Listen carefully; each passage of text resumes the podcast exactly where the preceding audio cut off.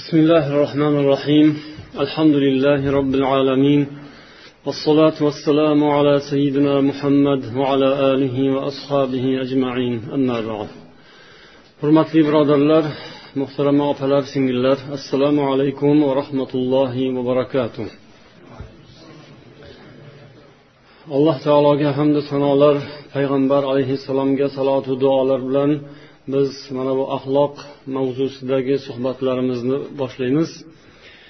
Bu e, axloq mavzusi biz musulmonlar uchun nihoyatda muhim mavzu. Chunki islom dinimizda axloq va odobning o'rni nihoyatda yuksak qadrlanadi alohida e'tibor beriladi. Buning sababi shuki axloq inson uchun iymon bilan barobar ahamiyatga ega narsa bu dunyoda alloh taolo tomonidan ato qilingan ne'matlarning ulug'i iymon bilan chambarchas bog'liq rasululloh sollallohu alayhi vasallam juda ko'p hadislarida axloq bilan iymonni bir biriga qo'shib zikr qilganlar misol uchun imom buxoriy va muslim rivoyat qilishgan mana bu hadisni eslab o'tishimiz kifoya qiladi inshaalloh عن أبي هريرة قال قال رسول الله صلى الله عليه وسلم الإيمان بضع وسبعون أو بضع وستون شعبة فأفضلها قول لا إله إلا الله وأدناها إماطة الأذى عن الطريق والحياء شعبة من من شعب الإيمان. abu hurayra roziyallohu anhudan rivoyat rasululloh sollallohu alayhi vasallam dedilar iymonning yetmishdan ortiq yoki oltmishdan ortiq shoxlari bor. Ularning eng afzali la ilaha illalloh deyish eng oddiysi esa yo'ldan aziyat yetkazuvchi narsalarni olib tashlashdir. Hayo iymon shoxlaridan bir shoxdir. Buxoriy va muslim rivoyatlari. Mana bu hadisga e'tibor bergan bo'lsangiz uchta xislat zikr qilingan. Birinchisi allohga iymon keltirish ikkinchisi odamlarga aziyat beradigan narsalarni chetlatish daf etish uchinchisi hayoli bo'lish. Hammamizga ma'lumki bu hadisda aytilgan birinchi sifat ya'ni la ilaha illalloh deyish mana shu kalimani aytib iymon keltirish tavhid bobiga taalluqli masala. Iymon aqida mavzusidagi masala. Yo'ldan ozor yetkazuvchi narsalarni olib tashlash esa yoki hayoliy bo'lish esa bu axloqiy xislatlar qatoriga kiradi.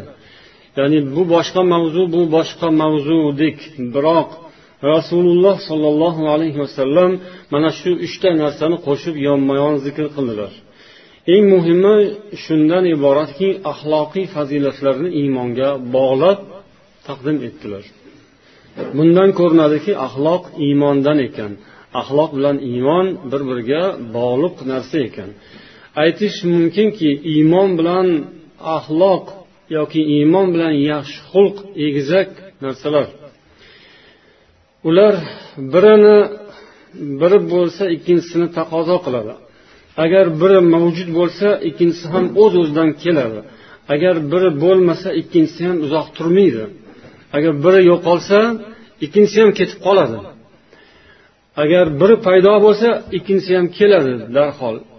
Bir birini boshlab keladi. Bir biriga bog'liq. Egizaklar ham shunday bo'ladiyu egizaklar biri kasal bo'lsa ikkinchisi ham kasal bo'lib qoladi o'zidan o'zi ko'rinishdan. Biri tuzalsa unisi ham tuzaladi. Qanaqadir ko'zga ko'rinmagan iplar bor o'rtada bog'liqlik bor. Egizaklar shunday bo'ladi. Iymon bilan axloq ham ana shunday egizak narsaki agar bizga biriga zarar yetsa ikkinchisiga ham albatta zarar yetadi. Agar biri yo'q bo'lib qolsa ikkinchisi ham uzoq turmaydi. Shunday ekan har ikkoviga barobar e'tibor qaratish kerak. Iymon va axloq ikkalasi butun bo'lib turgan mahaldagina inson chin iymonli bo'ladi va insonda iymon bo'lsagina u chin axloqli bo'ladi. Xulqi chiroyli bo'lsagina uning iymoni ham chiroyli bo'ladi. Ana o'sha odam bu dunyoda ham va oxiratda ham baxtli bo'ladi. Agar bu ikki narsa biri nuqsonli chala bo'ladigan bo'lsa u odamning baxti ham butun bo'lmaydi. Uning baxti ham chala bo'ladi. U odamni oxirati ham og'ir bo'ladi. U odamni bu dunyosi ham kulfatlarga to'la bo'ladi. Olloh asrasin. Inson axloqi nochor holda qoladigan bo'lsa o'z uz o'zidan iymoniga shikast yetadi. Uning iymoni past darajada bo'ladi. Xulqi yaxshi odamni ya'ni u siz siz undan yaxshilik kutishingiz mumkin. Ya'ni uning iymoni ham chiroyli deb unga ishonsangiz bo'ladi yaxshi narsalarni undan umid qilsangiz bo'ladi.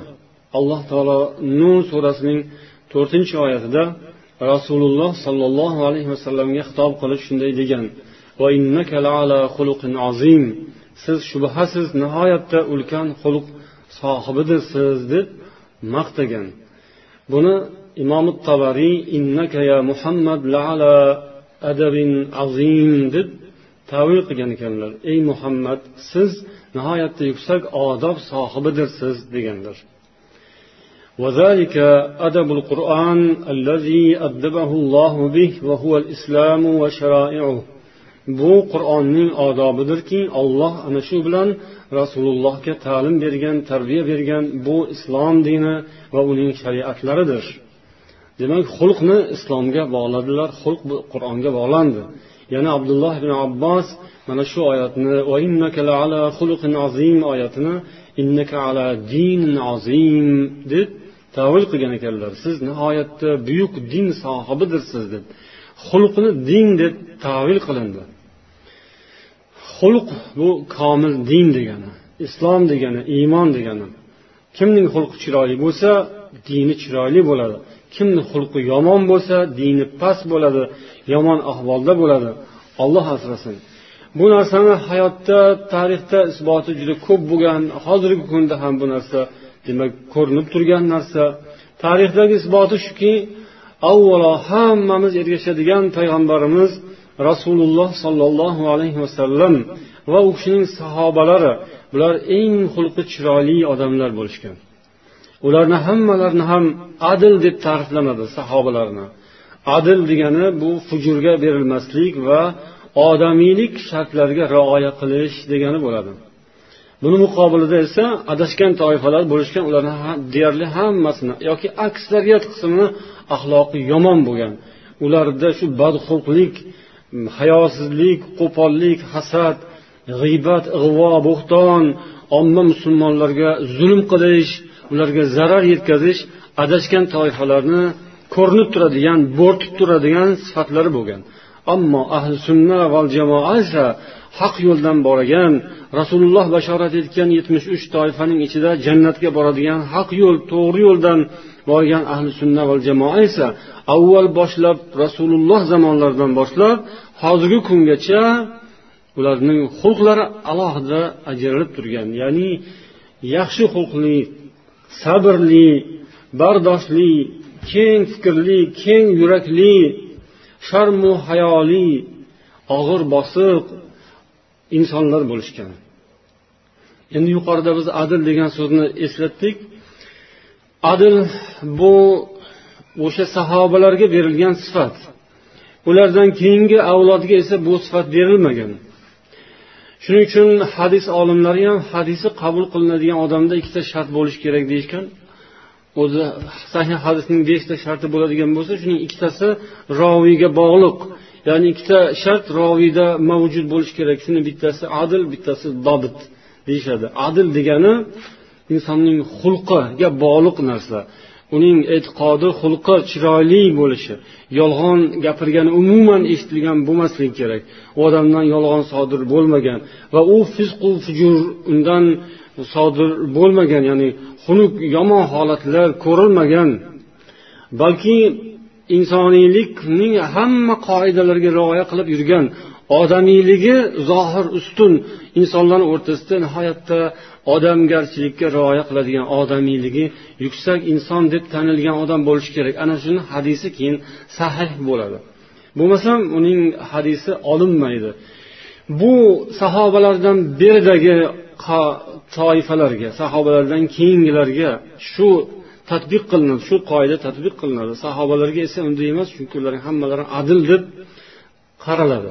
Fuqarolar esa endi oddiy odamlarga nisbatan ham shu qoidani tadbiq qilishadi. Adil bo'lmagan odamni guvohligi qabul bo'lmaydi deyishadi. Guvohlik har kuni har qadamda uchraydi. Nikohda guvohlik kerak bo'ladi boshqa ishda guvohlik kerak bo'ladi. Oddiy so'zlarimiz ham ba'zan guvohlik o'rnida o'tadi. O'sha gapirayotgan odamning xulqiga qaraladi. Uning e'tiqodidan yonida ya'ni xulqi ham chiroyli bo'lishi kerak. Undan yolg'on sodir bo'lmagan va u firibgarlik aldamchilik yoki gunohlarga berilmagan odam bo'lishi kerak. Ya'ni katta gunohlar xatolar kamchiliklar hammada ham sodir bo'ladi. Xatolar sahobalarda ham sodir bo'lgan. Bu narsa hozir aytilayotgani yo'q gap bunda emas. Xatoda emas xato qilib qo'yish yoki ba'zi bir gunohlarni bilmay qilib qo'yish bu narsa ustida ketayotgani yo'q gap. Gap insonning umumiy tabiati xususida ketyapti umumiy holati uning umumiy qiyofasi nimadan iborat? Shunga qaraladi. Bu yoqdagi insonlar hamma insonlarga mana shu adil degan tavsif tadbiq qilinadi. Adil bo'lmagan odamning guvohligi qabul qilinmaydi. Shunday ekan har bir musulmon xulqini chiroyli qilishi u o'zining iymoniga islomiga bog'liq narsa kimki oxiratdan tashvishi bo'lsa iymoni islomidan tashvishi bo'lsa xulqiga nazar solish kerak. Rasululloh sollallohu alayhi vasallam o'zlari xulqlari nihoyatda chiroyli inson bo'lishlari bilan bir qatorda yaxshi xulqqa qilgan targ'ibotlari ham juda kuchli bo'lgan. Mana shu payg'ambar alayhissalomning mana shu mavzudagi hadislaridan ba'zilarini eslab o'tamiz.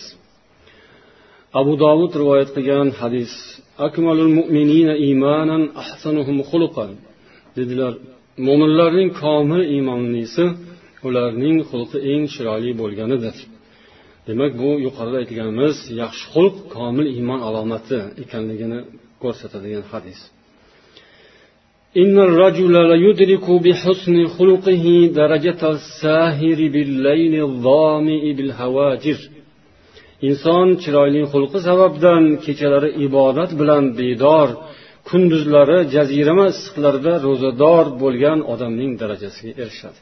Qarang kechalari tunlari turib ibodat qilish tahajjud namozlari o'qish hamma qiladigan ishmi? Hamma uddasidan chiqadigan ishmi? Yoki bo'lmasam uzoq kunlarda jazirama issiqlarda ro'za tutish bu hamma uddasidan chiqadigan ishmi? Ancha muncha pahlavon erkaklar ham buni uddasidan chiqmaydi. Olloh oson qilgan odam qiladi buni. Olloh oson qilmasa qilolmaydi bu ishni. Qiyin ish. Besh mahal namozni zo'r o'qiydiyu ba'zi odamlar. Ba'zilar umuman o'qimaydi. Umuman ro'za tutmaydi. Ba'zilar zo'rg'a tutadi. Ba'zilar esa har kuni kechasi turib tahajjud o'qiydi va kunora kunora ro'za tutadi. Issiq demaydi. Kunni uzog'i unga ta'sir qilmaydi. Bu endi noyob hodisa desak bo'ladi. Lekin qarang mana shunday qiyin ishning darajasiga shu ishlarni qilmasdan turib ham yetadi ba'zi odam.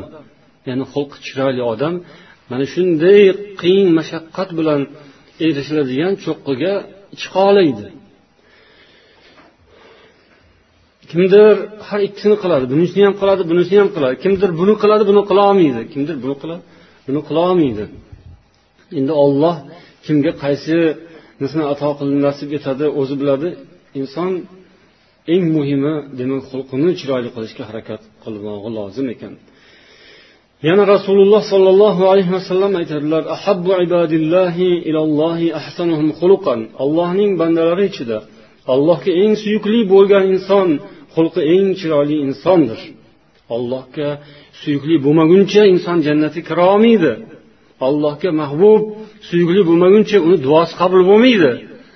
Bu dunyoda inson so'raydigan duo qiladigan narsa judayam ko'p. O'sha narsalarni yo'liga to'siq bo'lib qoladi.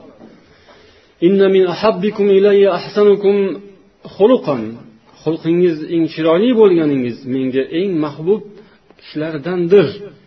Rasululloh sollallohu alayhi vasallam ham xulqi chiroyli odamni yaxshi ko'radilar va ana shu xulqi yaxshi odamgina payg'ambar alayhissalomga yaqin bo'ladi وحسن الخلق وحسن الجوار يعمران الديار ويزيدان في الأعمار husni xulq va yaxshi qo'shnichilik yurtlarni obod umrlarni ziyoda qiladi qarang ajoyib hadislar yaxshi xulq va yaxshi qo'shnichilik yurtlarni obod qiladi bugun yurtlar xarob sababi nimadan?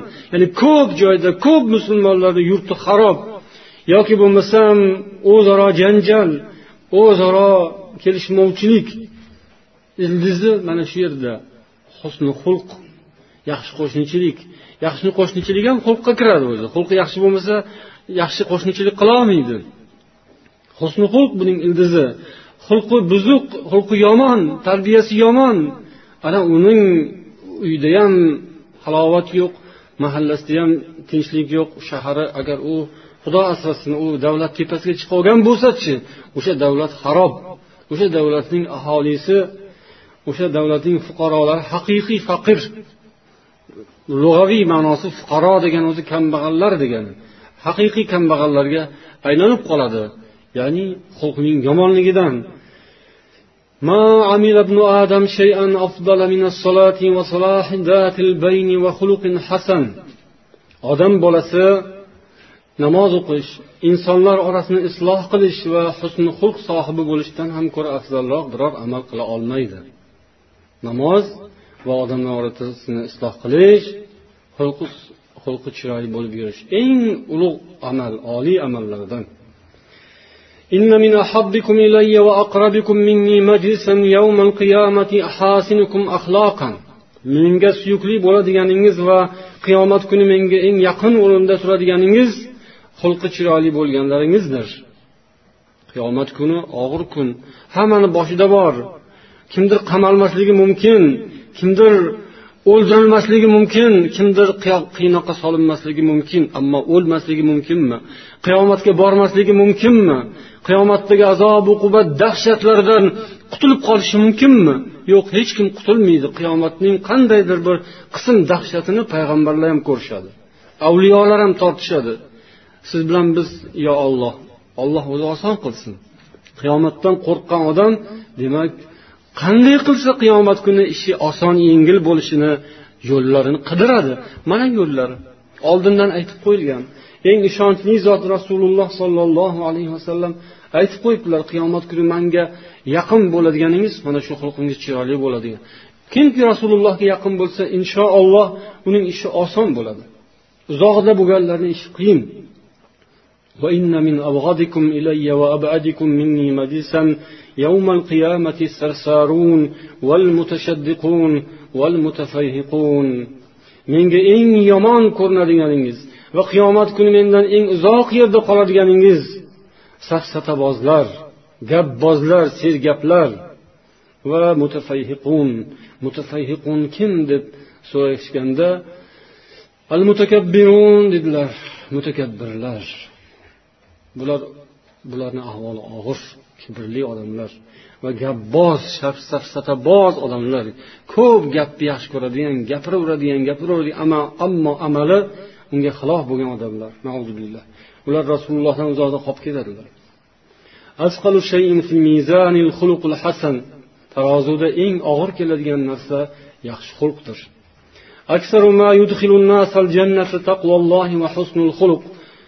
Odamlarni eng ko'p jannatga kiritadigan ish ollohdan taqvo qilish va yaxshi xulqdir. Jannat hammamizni orzumizku hamma inson orzu qiladigan jannat. Bu jannatga eng ko'p kirishga sabab bo'ladigan ya'ni ko'p sabab bo'lib ko'pchilikning jannatiga shu sabab bo'ladi ya'ni taqvo va yaxshi xulq.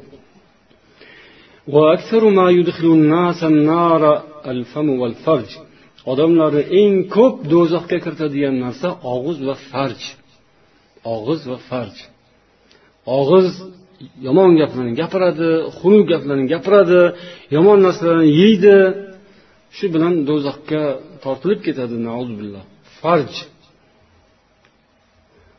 nafs nafsini jilovlay bilmaydi hayosini himoya qilolmaydi iffatini himoya qilolmaydi oqibati yomon أنا زعيم بيت زعيم بيت في ربض الجنة لمن ترك المراء وإن كان محقا men haq bo'lishiga qaramasdan talashib tortishishni tark qilgan odam uchun jannatning ketidagi bir uyga kafilman. Yo alloh haq bu haq bo'lganini bilmay turib haqligida aqli yetmay turib man haqman deb talashadiganlar kammi? Nihoyatda ko'p. Rasululloh haq bo'lishini bilib turib haq ekanini bilib turgan bo'lsa ham talashib tortish o'rnida foydasi yo'q. Talashib tortishdan foyda yo'qligi aytilgan. Shuning uchun undan o'zini tiygan odam ga rasululloh jannatni bir chetidan bir uyiga kafil senga naqd o'sha uy deyaptilar وببيت في وسط الجنة لمن ترك الكذب وإن كان مازحا men hazillashib bo'lsa ham yolg'on gapirishdan o'zini tiygan odam uchun jannatning o'rtasidan bir uyga kafilman yolg'onni tark qilish shunaqa qimmatbaho narsa jannatni o'rtasidan uy berilishga arziydigan narsa umuman yolg'on umuman o'zidan daf qilish hazillashib bo'lsa ham umuman yolg'on gapirmaslik yoki gapni aylantirib o'tish bu ham yolg'onga kiradi. Bunaqa emasdi bunaqa bunaqa tushunmabsiz bunaqa edi o'zi to'g'ri tushunmabsiz bu ham yolg'onni bir turi. Umuman yolg'ondan voz kechib to'g'risini o'rtasini to'g'risini tan olish bu yaxshi narsa. Bu jannatni o'rtasidan uy berilishga loyiq bo'ladigan chiroyli xislat.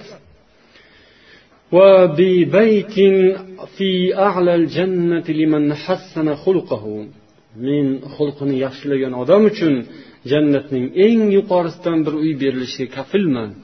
Mana ajoyib. Jannatning eng o'rtasidan eng yuqorisi eng oliy nuqtasidan joy beriladi uy beriladi kimga? Xulqini yaxshilagan odamga. Demak xulqini xulqni yaxshilash mumkin xulqni tuzatish mumkin. Shayx alboniy mana shu hadisni sharhida yana bir rivoyat qilingan. Buning e, ma'nosiga xilofroq bo'lgan hadisni zaif degan ya'ni agar ikkita tog' agar bir tog' joydan e, ko'chibdi desa ishoninglaru lekin bir odamni xulqi tuzalibdi desa ishonmanglar degan hadis. Noto'g'ri hadis. Mana bu hadis to'g'ri. Bu to'g'risi mana bu. Ya'ni xulqni tuzatish mumkin emas. Bir odamni xulqi tuzalmaydi degan xulosa chiqadi haligida tog' o'rnidan ko'chsa ko'chadiki ana uni xulqi tuzalmaydi degan gap noto'g'ri gap. Tuzaladi. Olloh xohlasa tuzaladi. Bandasi o'zi shunga intilsa atrofdagilar ham unga yaxshi muomala qilib shuni chorasini ko'rishga harakat qilsa inshaalloh tuzaladi. Jannatga kirish demak xulqni yaxshilashga bog'liq. Biz hozir keltirdik mana shu o'nta hadis bularning hammasi ham shayx alboniy rahimaulloh tomonidan sahih va hasan deb tasnif qilingan hadislar. Hammasi e'tiborga molik biz bunga qat'iy jiddiy amal qilishimiz lozim bo'lgan hadislar. Xulq bizni hayotimizda nihoyatda ahamiyati katta. Xulq yaxshi ham bo'ladi yomon ham bo'ladi. Xoh yaxshi bo'lsin xoh yomon bo'lsin odamzod hayotiga juda qattiq ta'sir o'tkazadi. Insonni hayotini yo'lini o'zgartirib yuboradi ba'zan xulq. Yaxshi xulq yoki yomon xulq. Insonlar jamiyatini rivoji uchun xulq nihoyatda katta ta'sir ko'rsatadi. Insonlar mana bu hayotda qancha muvaffaqiyatlar yoki qancha yutqiziqlar yoki balo ofatlarga uchraydilar. Ularni har birida xulq ta'sirli nuqtalarda turgan bo'ladi. Inson katta katta muvaffaqiyatlarni yaxshiliklarni qo'lga kiritishda ham uning xulqiga bog'liq jihatlar judayam ko'p. Yaxshi tarbiyalangan odamlar yoshlikdan boshlab yaxshi tarbiya olgan odamlar kelajakda ko'pgina yaxshilik ko'radi. Yoshlikdan tarbiyasi yaxshi bo'lmagan odamlar kelajagi ancha muammolarga to'liq bo'ladi judayam qiyin bo'ladi xudo asrasin. Kelishmovchiliklar nizolar ularni bartaraf qilishda yaxshi xulqli odamlar rol o'ynashadi. Ularni ta'sirlari bo'ladi ularni tufaylidan nizolar hal bo'lib ketadi. Muammolar hammasi yechiladi yani aksincha bo'lsa ya'ni xulqi yaxshi emas odamlar muammo paydo qiladi nizolarni keltirib chiqaradi. Ular o'zini hayotida ham boshqalarni hayotida ham ancha tashvishlarga sabab bo'ladi. Xulqi yaxshi odam xalqqa manfaat yetkazish yo'lida yo'lida o'zini oromidan tashvish e, o'zini e, rohatidan voz kechadi. Ular faqat xulqi yaxshi odamlardan bo'ladi mana shu narsa o'zini dam oladigan vaqti bo'ladi o'zini bir dam olib keladigan payti bo'ladi yoki uxlaydigan mahal bo'ladi boshqa qiladigan bo'ladi shunaqa paytlarda ishlar to'g'ri kelib qoladi. O'shanday mahallarda hech og'rinmasdan cho'kkaymasdan kekkaymasdan yoki bujmaymasdan hech narsa bo'lmaganda bu tabiiy narsa deb yuragini keng qilib shunday muammolarga kirishib shularni hal qiladigan odamlar o'sha o'zini nafsini rohatini orqaroqqa sura oladigan odamlar. Bular faqat yaxshi xulqdan keladi. Xulqi yomon odam hech qachon o'zini oromidan voz kechmaydi. Oromdan voz kechganiga pul talab qiladi. Yoki uni evaziga bir narsa talab qiladi. Ho'p man uyqudan qolaman. Ho'p man o'zimni dam oladigan paytimga demak to'g'ri kelib qoladi boshqa bo'ladi. Buni evaziga nima bo'ladi? Buni evaziga savob bo'ladi desangiz tushunmaydi u. U narsani bilaman savob bo'lishini. Lekin buyog'i nima bo'ladi? deb turadi. Xulqi yomon odamlar har xil chiroyli davolarni qilishni biladi. Chiqib olib chiroyli shiorlarni o'rtaga tashlaydi ko'tarib chiqadi. Ammo bu unga faqat niqob bo'ladi. Uning yolg'onchiligining bir ko'rinishi bo'ladi. Uni chiroyli so'zlari ham yolg'on. U faqat navbatdagi yolg'onni to'qiyotgan bo'ladi. Odamlarni yana navbatdagi bir allamchiligi bo'ladi. U o'zini shaxsiy manfaatlarini ko'zlayotgan bo'ladi. Odamlar uni bilishadi tushunadi tushunadi undan norozi bo'lishadi. Undan olloh ham norozi bo'ladi. Yaxshi gapni o'zi bilan ish bitmaydi chiroyli shiorlarni o'zi bilan ish bitmaydi. Avvalo u o'zini xulqini tuzatsin o'zini qalbini tuzatsin iymoni e'tiqodini tuzatsin. Keyin chiroyli gaplarni gapirsin unga u amal qilsin. Yana oddiy misollar hayotdagi misollar shuki yoshlikdan tarbiya olmagan yaxshi tarbiya olmagan qiz katta bo'lib bir joyga kelin bo'ladi. Yoki yaxshi tarbiya olmagan bola kuyov bo'ladi. Keyin uning o'zi katta bo'lgan sayin muammosi ham katta bo'laveradi. U birovni xonadoniga borib tushib o'rnini topolmaydi katta bo'lib qolgan bo'lsa ham o'zini tuzatishni bilmasa oxiri borib xudo andalarni o'rtasida sovuqlik bo'ladi. Nizolar bunaqa narsalar hayotda rosa ham ko'pu qudalar urushib qolgan astag'firulloh billah. Yoki birodarlar urushib qolgan astag'firulloh billah. Nimadan? Xulqni yomonligidan. Xulqni yomonligidan tarbiyani yaxshi emasligidan. Shuning uchun hammamiz xudo asrasin o'zimizga ehtiyot bo'laylik xulqimizga qaraylik va keyin bolalarimizga ham qaraylik.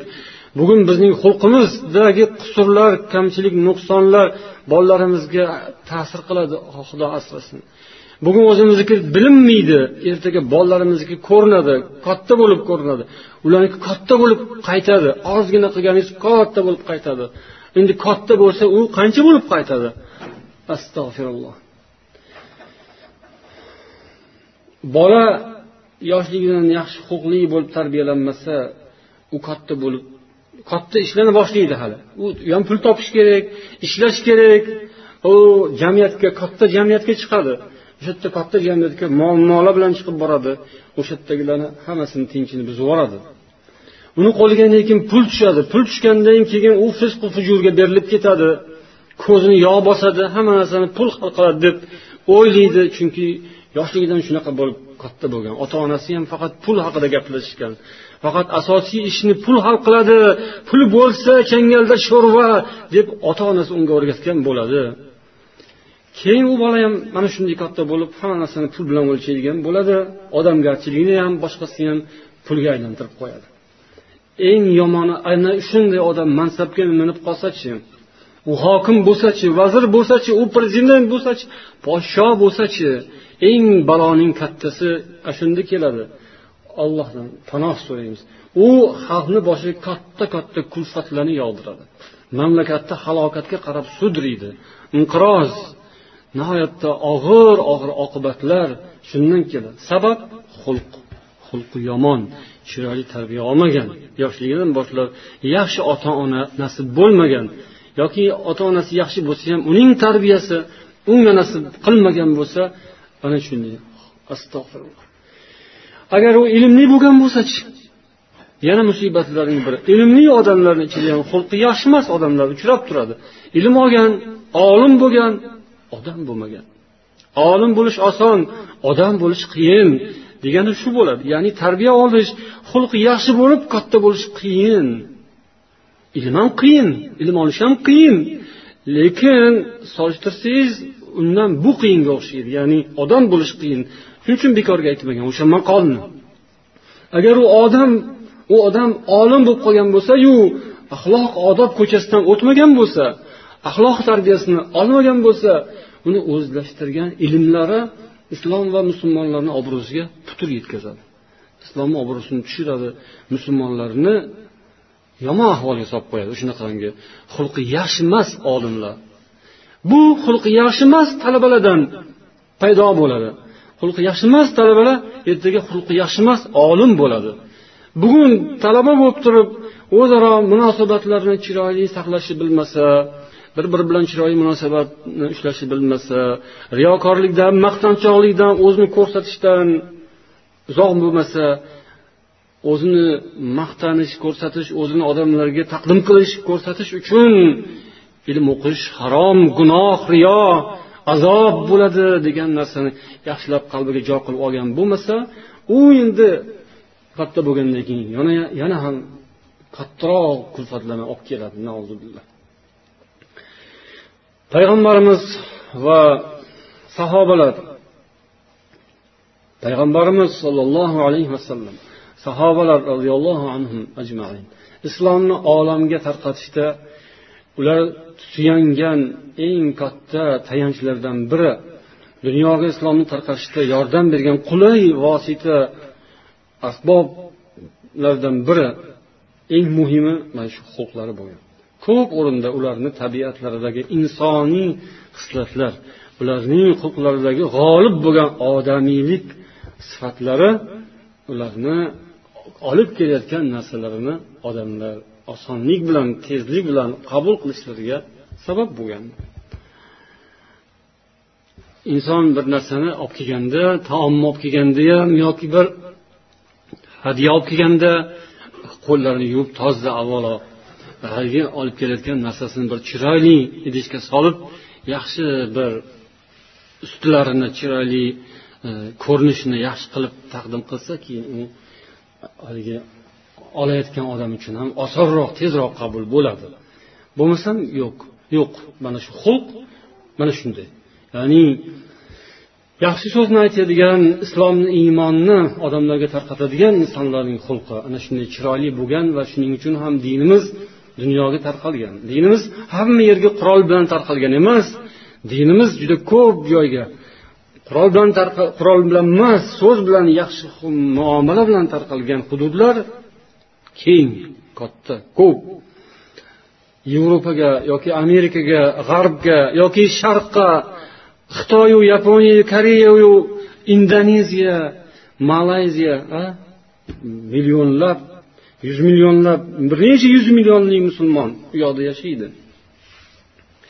So'z bilan husni xulq bilan chiroyli uslublar bilan tarqalgan dunyoda bugun islom dinimizni va musulmonlarning yo'llariga g'ov bo'layotgan muammo va musibatlarning juda ko'pchiligi asosiysi iymonimiz va xulqimizdagi qusurlarga bog'liq bizni xulq atvorimizdagi kamchiliklarimiz tabiatimiz va tarbiyamizdagi nuqsonlar buning sababi ko'pchilik sababi. Mana shularga bog'liq.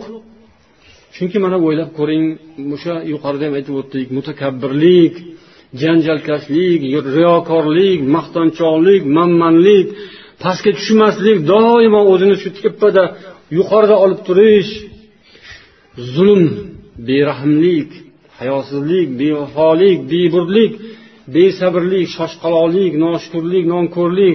O'zini aybini ko'rmasdan faqat birovlarni aybini ko'rib muammolarga faqat birovlarni ayblayverish bu nimadan bu? Bu qaysi sohaga kiradi bu? Bu matematikaga kiradimi? Bu fizikaga kiradimi? Yoki bu siyosatga kiradimi? Qaysi sohaga kiradi? Bu axloq oddiy oddiy soha bu. Go'daklarga beriladigan soha. Shu tarbiya ya'ni xulq axloq mavzusidagi so'zlar hozir yuqorida biz sanaganlarimiz. Bugungi dunyoni boshiga kulfat solayotganda ham mana shular.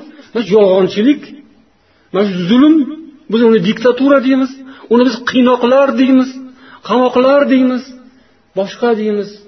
Shu dunyoni musulmonlarni ham boshidagi kulfatlar va musulmonlar o'zaro o'rtalaridagi nizolar kelishmovchiliklar janjallar hammasi mana shu axloqsizlik xulqni yaxshi emasligi biz axloq mavzusida ko'proq gaplashishimiz kerak. O'zi mavzular ko'p lekin xulqni chiroyli qilish tarbiyani yaxshi mukammal amalga oshirishni ustida ko'p o'ylashimiz kerak va harakat qilishimiz kerak. Bu borada ko'proq darslar qilishimiz kerak. O'qishimiz o'qitishimiz bilganlarimizga amal qilishimiz amalda ko'rsatishimiz kerak. Xulqimizni muntazam biz isloh qilib borishimiz lozim. Shuning uchun sizlarni e'tiboringizga biz havola qilayotgan mana bu turkum suhbatlarimiz. Biz buni go'zal xulqlar silsilasi deb nomlashimiz mumkin. Mana shu bizning hayotimizda bizga uchrayotgan yo'limizga g'ov bo'layotgan to'siq bo'layotgan muammolarimizni yoki boshimizdagi kulfatlarimizni musibatlarimizni daf etish chorasi bu. Mana shu yo'lda qilinayotgan bir harakat va inshaalloh chiroyli bir muhit vujudga kelishi yaxshi bir jamiyat vujudga kelishining asosiy omillaridan biri. Bu narsa barcha uchun go'daklar uchun ham yoshlar uchun ham kattalar uchun ham farzandlarga ham ota onalarga ham fuqarolarga ham podsholarga ham prezidentlarga ham ulardan boshqasiga ham hamma hamma uchun kerak narsa. Zarur foydali. Bu ham dunyo ham uxroviy manfaat bo'ladi. Hamma jihatlar. Endi mana shu o'rinda yana bir narsaga bog'laylik ilm fan axloq bu tarbiya ko'proq tarbiya degan jihati bor. Ta'lim tarbiya tarbiya. Ta'lim tarbiya deymiz. Ta'lim ilm o'qitish. Tarbiya tarbiyalash alohida ma'nolari bor lekin birga zikr qilinadi. Ayrim talabalar ilm deganda axloqni hisobga olishmaydi. Ba'zi odamlar ham shunday.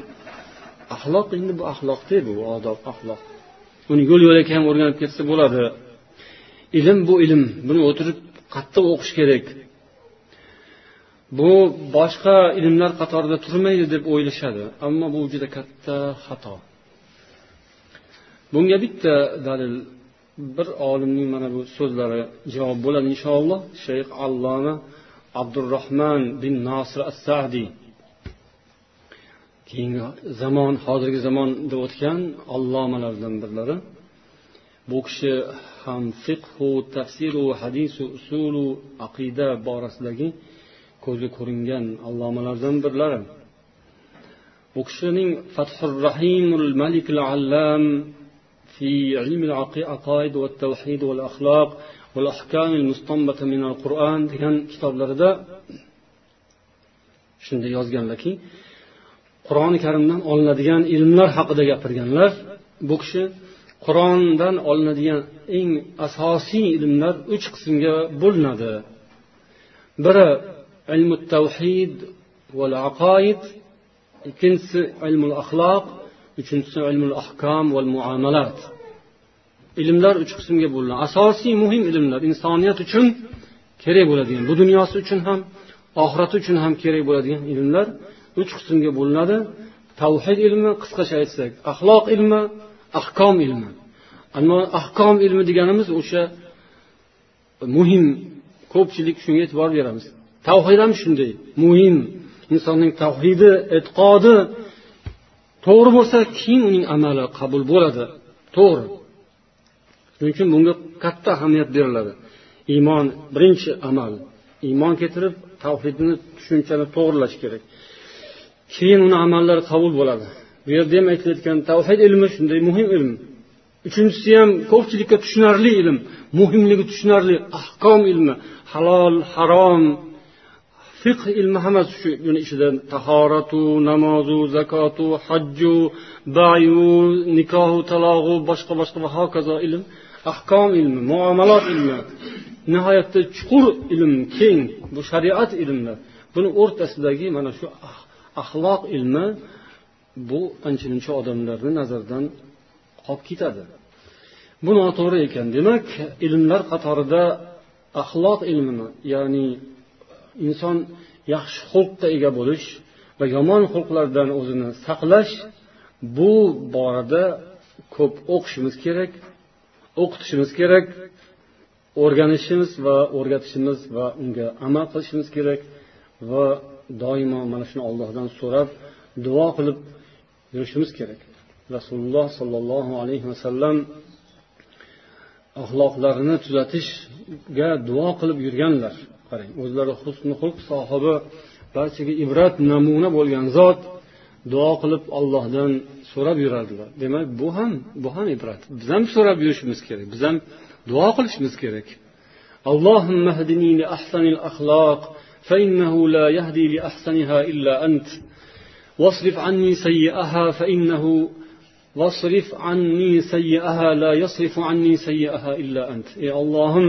mendan ey ollohim meni eng chiroyli xulqlarga boshlagin chunki eng go'zal xulqlarga faqat sen o'zinggina boshlaysan mendan yomon xulqlarni daf etgin chunki yomon xulqlarni faqat sening o'zingga o'zinggina daf etasan Deb so'raganlar. Allohdan so'rash bilan birga harakat qilishimiz kerak bo'ladi. Bu ilmni e'tiborli nihoyatda e'tiborli ekanini yana bir jihati shundan iboratki biz agar aqoid kitoblariga nazar soladigan bo'lsak o'sha ilmlarning eng boshida turadigan insonni dunyodagi amallari qabul bo'lish sharti to'g'ri e'tiqod iymon dedik ana shu aqoid kitoblarida axloq uchun ajratilgan o'rinlar bor. Demak bu ham shuni ko'rsatadiki aqoid ilmining bir qismi bu. Jumladan masalan aqida tahoviyada aytiladi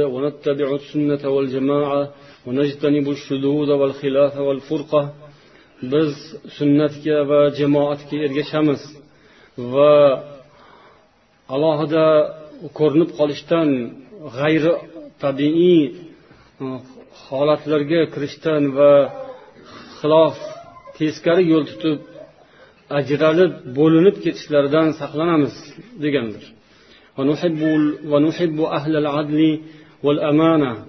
Adl va omonat ahlini yaxshi ko'ramiz. Va zulm va xiyonat ahlini yomon ko'ramiz.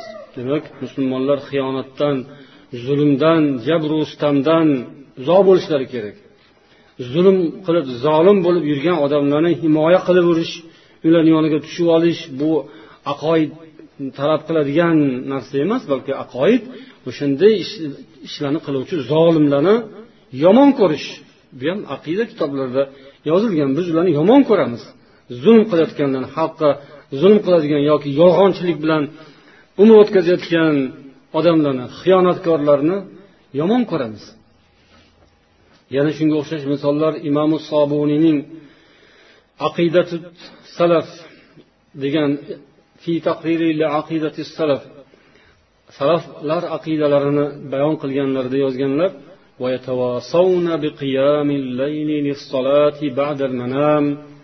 ular ya'ni salaflar biz ergashadigan zotlar salaflar ahli sunna ularning sifatlari qanaqa deganda sifatlari ya'ni o'sha e'tiqod iymon muhim muhim nuqtalarning qatorida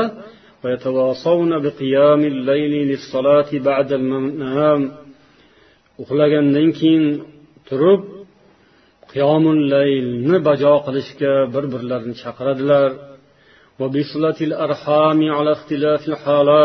Har qanday holatlarda ham silay rahmni ushlab borishga qarindosh urug'chilik rishtalarini mustahkam tutishga buyuradilar. Va salom o'zaro oralarida salomni oshkora chiroyli qilib berishga chaqiradilar. Va taom ulashishga ya'ni saxovatli bo'lishga chaqiradilar.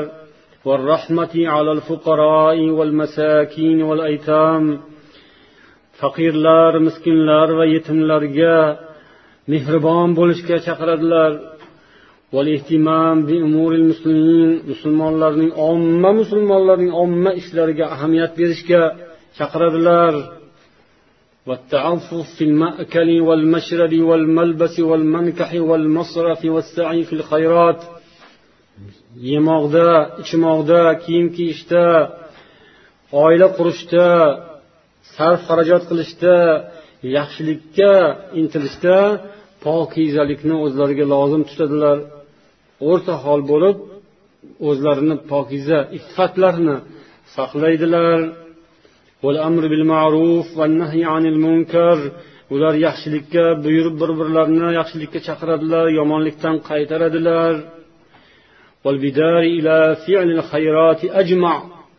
Yaxshi ishlarning hammasini ichidan biror narsa tushib qolmaydi hammasini bir san'at hammasiga teng qo'llaridan kelgancha iloji boricha shoshiladilar shoshilishga chaqiradilar ya'ni qo'lingizdan keladigan bir kichkina yaxshi ish bo'lsa ham qoldirmang tez tez g'animat bugun bugun shu kichkina ishni qilishga qurbingiz yetadi. Ertaga kattarog'ini qo'shib qolaman desangiz ertaga bunisini ham unisini ham qilolmasligingiz mumkin. Shuning uchun bugun oyog'ingiz tagida turibdimi kichkina narsa nazaringiz ilmiy qolmasin qilib oling shu kichkina ishni ham. Balki ertaga qiladigan ulkan ishingizga shu poydevor bo'ladi. Ertaga ulkan ishni qilishga mana sharoit deganda o'sha kichkina kecha qilish qilib qo'yishingiz kerak bo'lgan kecha qo'yib qo'yishingiz kerak bo'lgan poydevorni qo'ymaganingiz uchun kecha o'sha yoki ya'ni bugun o'shani nazaringizga ilmiy bu kichkina narsa deganingiz uchun ertaga hech narsaga yaroqsiz bo'lib qolishingiz. Xudo asrasin. Shuning uchun yaxshi ishlarning hammasiga ular chaqiradilar. Va tamagirlik tekinxo'rlikning oqibati xunuk yomon bo'lishidan ular saqlanadilar ehtiyot bo'ladilar bu ishlardan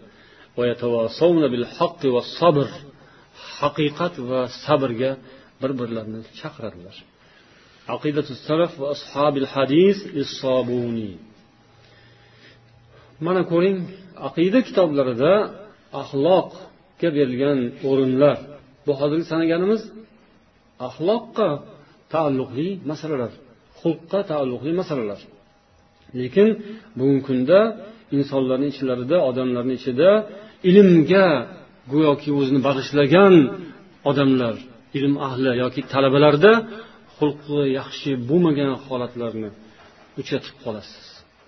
Hmm, so'zlar tavhid haqida iymon haqida yana falon haqida yoki ba'zi amallar yo jihod haqida yoki boshqalar haqida qattiq qattiq so'zlarni gaplarni gapiriladiku lekin axloqqa kelganda bir kulib qo'yadilar axloq haqida gapirsangiz xulq odob haqida gapirsangiz xuddi bir zaif bo'shashgan qo'ldan ish kelmaydigan hech narsaga yaramaydigan odamlar shunaqa bo'ladi muloyim tabiatli bo'ladi ho'p ho'p taqsir ho'p bo'ladi shunaqangi bir shu tabiatlar o'shanaqa e, na bir ilmda ko'zga ko'rinmagan na bir ilmni qoyillatmagan na bir jihodni qoyillatmagan mm, tavhidni yaxshi bilmagan ilmni yaxshi bilmagan boshqa yoshqa endi buni o'rtasida mm, mana shunaqa yo'lda bularga deb kimdir past nazar bilan qaraydiganlar bo'ladi. Mavjud. Talabalarni ichida yoki olimlar deb sanaladiganlarni ham ichida shundaylari bo'lishi ehtimol lekin bu birodarlar xato bu katta xato bu. Dinni uchdan birini ustiga chizib yopib qo'yish bo'ladi bu. Dinni uchdan biridan o'zini o'zi mahrum qilish bo'ladi bu. Yuqorida alloma abdurahmon as saodiy rahimaullohning ta'riflari bilan aytadigan bo'lsak ilmni uchdan biridan o'zini o'zi mahrum qilib voz kechgan bo'ladi bu. Olloh huzuriga chala chulpa odam bo'lib boradi. Har qancha ilmi bo'lsa ham yoki har qancha amali bo'lsa ham ko'pgina rosa ko'plab ulkan ulkan amallarni qilib ammo xulqi nochor ahvolda sudralib boradimi olloh huzuriga? Olloh asrasin.